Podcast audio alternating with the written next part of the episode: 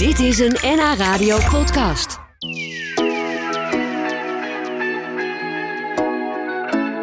Een mooi gedekte tafel zorgt er vaak voor dat je zin krijgt in eten en drinken.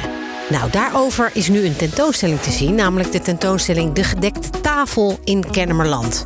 Het gaat over de eet- en tafelcultuur door de eeuwen heen. Wat is er allemaal veranderd? Nou, die tentoonstelling is ingericht met servies en bestek uit de depots van het museum. En curator Tjeetske de Jong en conservator Jannie Polak... die hebben de tafels gedekt daar in het museum. Twee keurige dames, dus ik vraag me af... ja, zo'n tafel goed dekken, dat doen ze thuis waarschijnlijk ook. Ik echt niet. Nee? Ik eet ook op de bank Oh. voor de tv. Jeetje. En Jannie vindt dat ook inderdaad een gruwel. Die doet het helemaal anders. Jannie, Nou, een gruwel vind ik het niet. Dat moet je zelf weten. Maar wij eh, hebben altijd een tafelkleed. Bij het ontbijt een lopertje. En bij de lunch ook. En bij het avondeten een tafelkleed. Met servetten. Stoffen servetten. En altijd keurig gedekt. En eh, ja, ik vind het gewoon leuk. Het- Je neemt de tijd er ook meer voor. Het, het, is een, het, het geeft een bepaalde sfeer, vind ik. Als de tafel mooi gedekt is. En als jullie dan een keer samen willen eten, hoe los je het dan op? Dat hebben we nog niet gedaan, geloof ik. Maar dan zou ik inderdaad... eh, Kijk, als ik mensen te eten heb, dan dek ik de tafel wel. Maar ik heb wel zo'n tafel dat ik daar geen tafelkleed overheen hoef te gooien. Daar ligt een laagje op die overal tegen kan. Ah. Tegen hete pannen. Oh, dat is heel, heel praktisch. Ehm, even, even naar jullie mooie vak. Jullie richten tentoonstellingen eh, in. Nou hebben jullie ook denk ik wel een stille tijd achter de rug met, eh, met, met corona. Hè? Heel veel tentoonstellingen gingen niet door. Ja, grappig genoeg heb ik het eh, echt heel erg druk gehad. Want ook als de musea gesloten zijn, moet je toch voorbereid zijn op dat het weer open gaat. En moest de tentoonstelling, zoals glinsterend glas, toch gemaakt worden. En dat gold eigenlijk ook wel voor deze tentoonstelling. Die is wel een paar keer uitgesteld, maar uiteindelijk moest die er natuurlijk wel komen. Oké, dus je moest altijd wel eigenlijk in de starthouding blijven, ook al was het coronatijd. Oh, om, Dus- om even, ik zit even te, met te verplaatsen in iedereen die nu luistert. Als we die tentoonstelling binnenkomen, wat zien we dan bijvoorbeeld? Nou, je ziet een, een gedekte tafel. En dan niet helemaal op chic, wat wel eerst onze bedoeling was. Maar dat is niet haalbaar, omdat we A, geen ruimte hebben... en B, eh, geen beveiliging hebben om kostbare objecten op zo'n tafel neer te zetten. En toen is het idee geboren om die tafel te dekken met spullen van de kringloopwinkel. En een aantal eh, vrijwilligers hebben spullen gezocht in de kringloopwinkel. En voor een paar tientjes, geloof ik, hè, hebben ze een gigantisch mooie gedekte tafel gemaakt. Met alles erop en eraan. Onderborden, servetten, karaffen. Dus eh, niet een beetje zoals eh, Titske eh, Nee. bij de tv eet, maar echt, Echt helemaal echt super chic. uiteindelijk heel erg chic geworden. Ja. Is het iets universeels eh, dat we ja, rondom eten zo'n fijne sfeer proberen te creëren, waardoor we beter kunnen genieten? Eten is een ontzettende sociale bezigheid. Hè. Ik herinner mij van vroeger ook dat ik vond heel veel lekker, maar waar het om ging is toch wel met elkaar aan tafel, omdat dat de momenten in gezinnen zijn waarop je met elkaar de dag doorneemt en elkaars ervaringen uitwisselt, waarop je ook eens wat anders hoort dan het gebruikelijke. Want ja, vaak gaat een gesprek dan toch over politiek of over iets wat je gelezen hebt in de krant. Of iets waar je boos over bent of waar je nieuwsgierig naar Ja. bent. Maar overal gaat het wel anders. Hè? Tenminste, ik merk dat bij mij thuis moesten we altijd een beetje rustig eten en wachten tot iedereen dan de eerste keer had opgeschept. Daarna mogelijk een tweede. Maar bij mijn geliefde, die komt uit een gezin van negen. Nou, die eet alsof hij eh, de volgende bus moet halen. Ja. En dat verandert dus niet. was mijn moeder ook altijd hoor. Die zei dan van ja, dan sta ik dan een half uur in de keuken en hebben ze het binnen vijf minuten naar het is binnen zo gewerkt. deprimerend. Zelfs soms pak ik iets uit de keuken en dan kom ik terug en dan is zijn bord al bijna leeg. Nou, dat, eh, is dat herkenbaar, Jannie? Of Nee, kom jij nee. juist uit een gezin waar rust en tijd werd genomen? Ik kom uit een gezin van vier, maar ik ben een nakomer. Dus tegen de tijd dat ik me het een en ander bewust was, waren mijn zus en mijn broers al uit huis. Maar die kwamen wel altijd het weekend weer eh, naar huis terug. En eh, op zaterdag was er bij ons altijd eh, ja, een gezamenlijke maaltijd van, met mijn broers en mijn zus erbij en de aanhang. De tafel was mooi gedekt, we waren allemaal bij elkaar, ieder kon zijn verhaal doen. En ja, het was ook heel gezellig. Een moment van, van echt samen Ja, zijn. ja.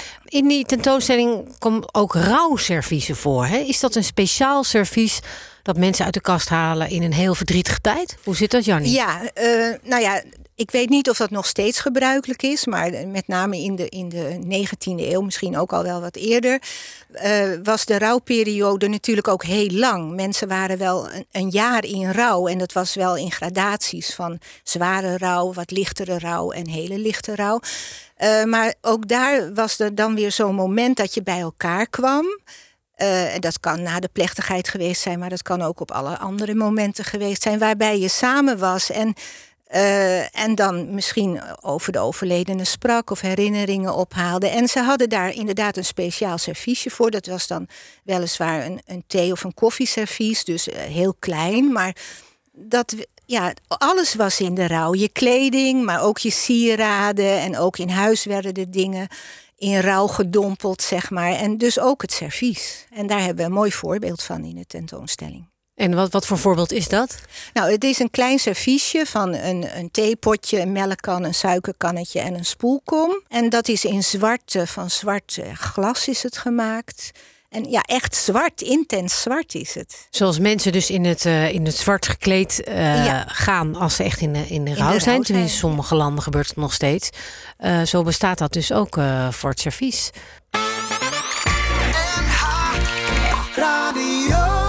Het leuke is ook dat jullie um, een ontbijt uit de 15e eeuw hebben vergeleken met een ontbijt van nu.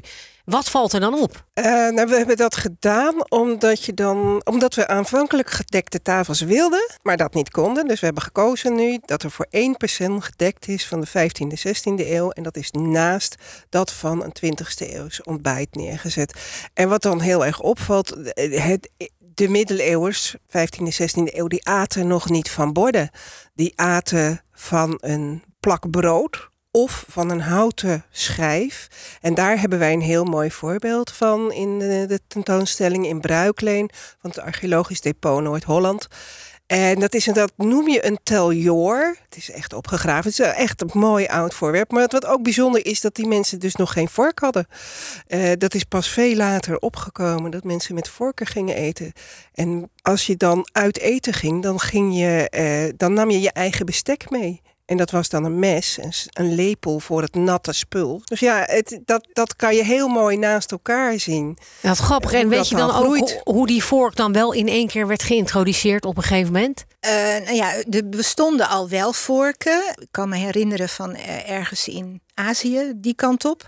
En dat komt dan natuurlijk wel naar Europa ook. En op een gegeven moment, ja, ik weet niet precies hoe dat dan ontstaat, maar dan komt zo'n vork, uh, wordt algemeen uh, gebruiksvoorwerp. En voornamelijk is dat al eerst bij de rijken natuurlijk, want die kunnen zich dat veroorloven. En dan is ook uh, de traditie zeg maar, van je eigen bestek meenemen. Die vervalt dan, want zeker bij de, bij de elite... die kunnen zich dan ook couverts gaan veroorloven. Dus die kopen uh, meerdere couverts van het bestek, dus lepel, mes, vork.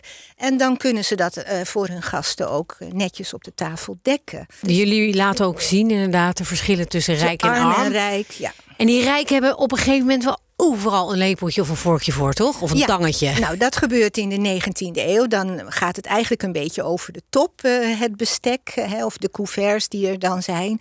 En dan komt er voor elk gerechtje en voor elk, uh, elke groente en nou ja, van alles wat, komt er een eigen lepeltje of een eigen vorkje. We hebben een prachtige collectie van schepwerk, zo wordt het genoemd. er is bijvoorbeeld een speciale lepel voor beschuiten, om die keurig te serveren. Eh, ook een beschuitvork. Er zijn lepeltjes om olijven te serveren. Er is een nat fruitschep. Ik wist helemaal niet wat het was, maar dat is dus om uh, zeg maar uh, natte fruitsoorten die in, in sap uh, bewaard worden, om die keurig uit te serveren. Er zijn trancheercouverts om het vlees te snijden. Nou, wat hebben we nog meer? Mosseltangen, aspergetangen, speciale viscouverts. En die zijn zo mooi vormgegeven.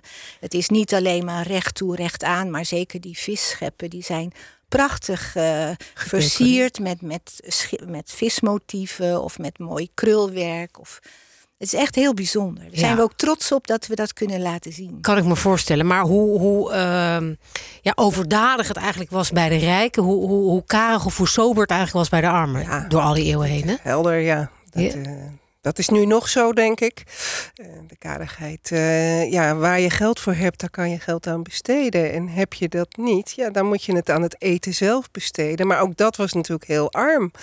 Uh, heel veel tuindersgezinnen aten gewoon aardappels en aardappels en aardappels. En dan als ze mazzel hadden met stip. En dat is een soort mengsel van azijn met karnemelk of uh, met een heel klein beetje vet of met puur vet. En dan geen jus, maar puur vet. Want ja, vlees kwam er nou, hoogst zelden op tafel. Dat is ook Eén keer in de week misschien en dan voor vader het nou, grootste stukje? dat niet. Nee, dat, ook dat, die gewoonte is pas in, in na, ik denk 1930 zo ongeveer ontstaan. Dat wij ook veel meer vlees zijn gaan eten. Ja. Daarvoor aten in ieder geval minder bedeelden uh, mensen geen vlees. En is het van alle tijden ongeveer geweest dat de rijken wel al een soort van variatie hadden en meerdere gangen? Ja, ja, ja. Kijk, in, in, de, uh, in de 17e eeuw zijn allerlei rijke Amsterdammers naar de streek Beverwijk, Kennemerland gekomen om daar een buitenhuis neer te zetten. En dat deden ze onder andere vanwege de verse lucht, maar ook omdat daar hele groeie tuinderijen waren, waar gewoon fijne groenten verbouwd werden. Groentes die zij lekker vonden, als asperges bijvoorbeeld toen al.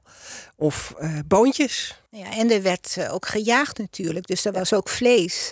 In de duinen, de duin, binnen Duinrand, waar die buitenplaatsen lagen, dat was ook jachtgebied. En ja, daar werden, werden hazen, konijnen, reeën, noem maar op. Daar werd van alles geschoten. En dat kwam ook bij de elite op tafel natuurlijk. Nou, die wat ja, we hebben ook nog tien mensen, tien tuinders of eh, mensen uit de streek geïnterviewd. En daar komt dat dan ook het voor. Dat als ze dan eens vlees hadden, dan was dat vaak een konijn. Want dat had pa dan ergens geschoten. of geschoten of gestroopt. Want dat gebeurde natuurlijk ook. De, tentoonstelling geeft hem echt een uh, prachtig en interessant beeld van uh, al die veranderingen door de geschiedenis heen alle verschillen inderdaad, zoals jullie dat benoemen, tussen arm en rijk.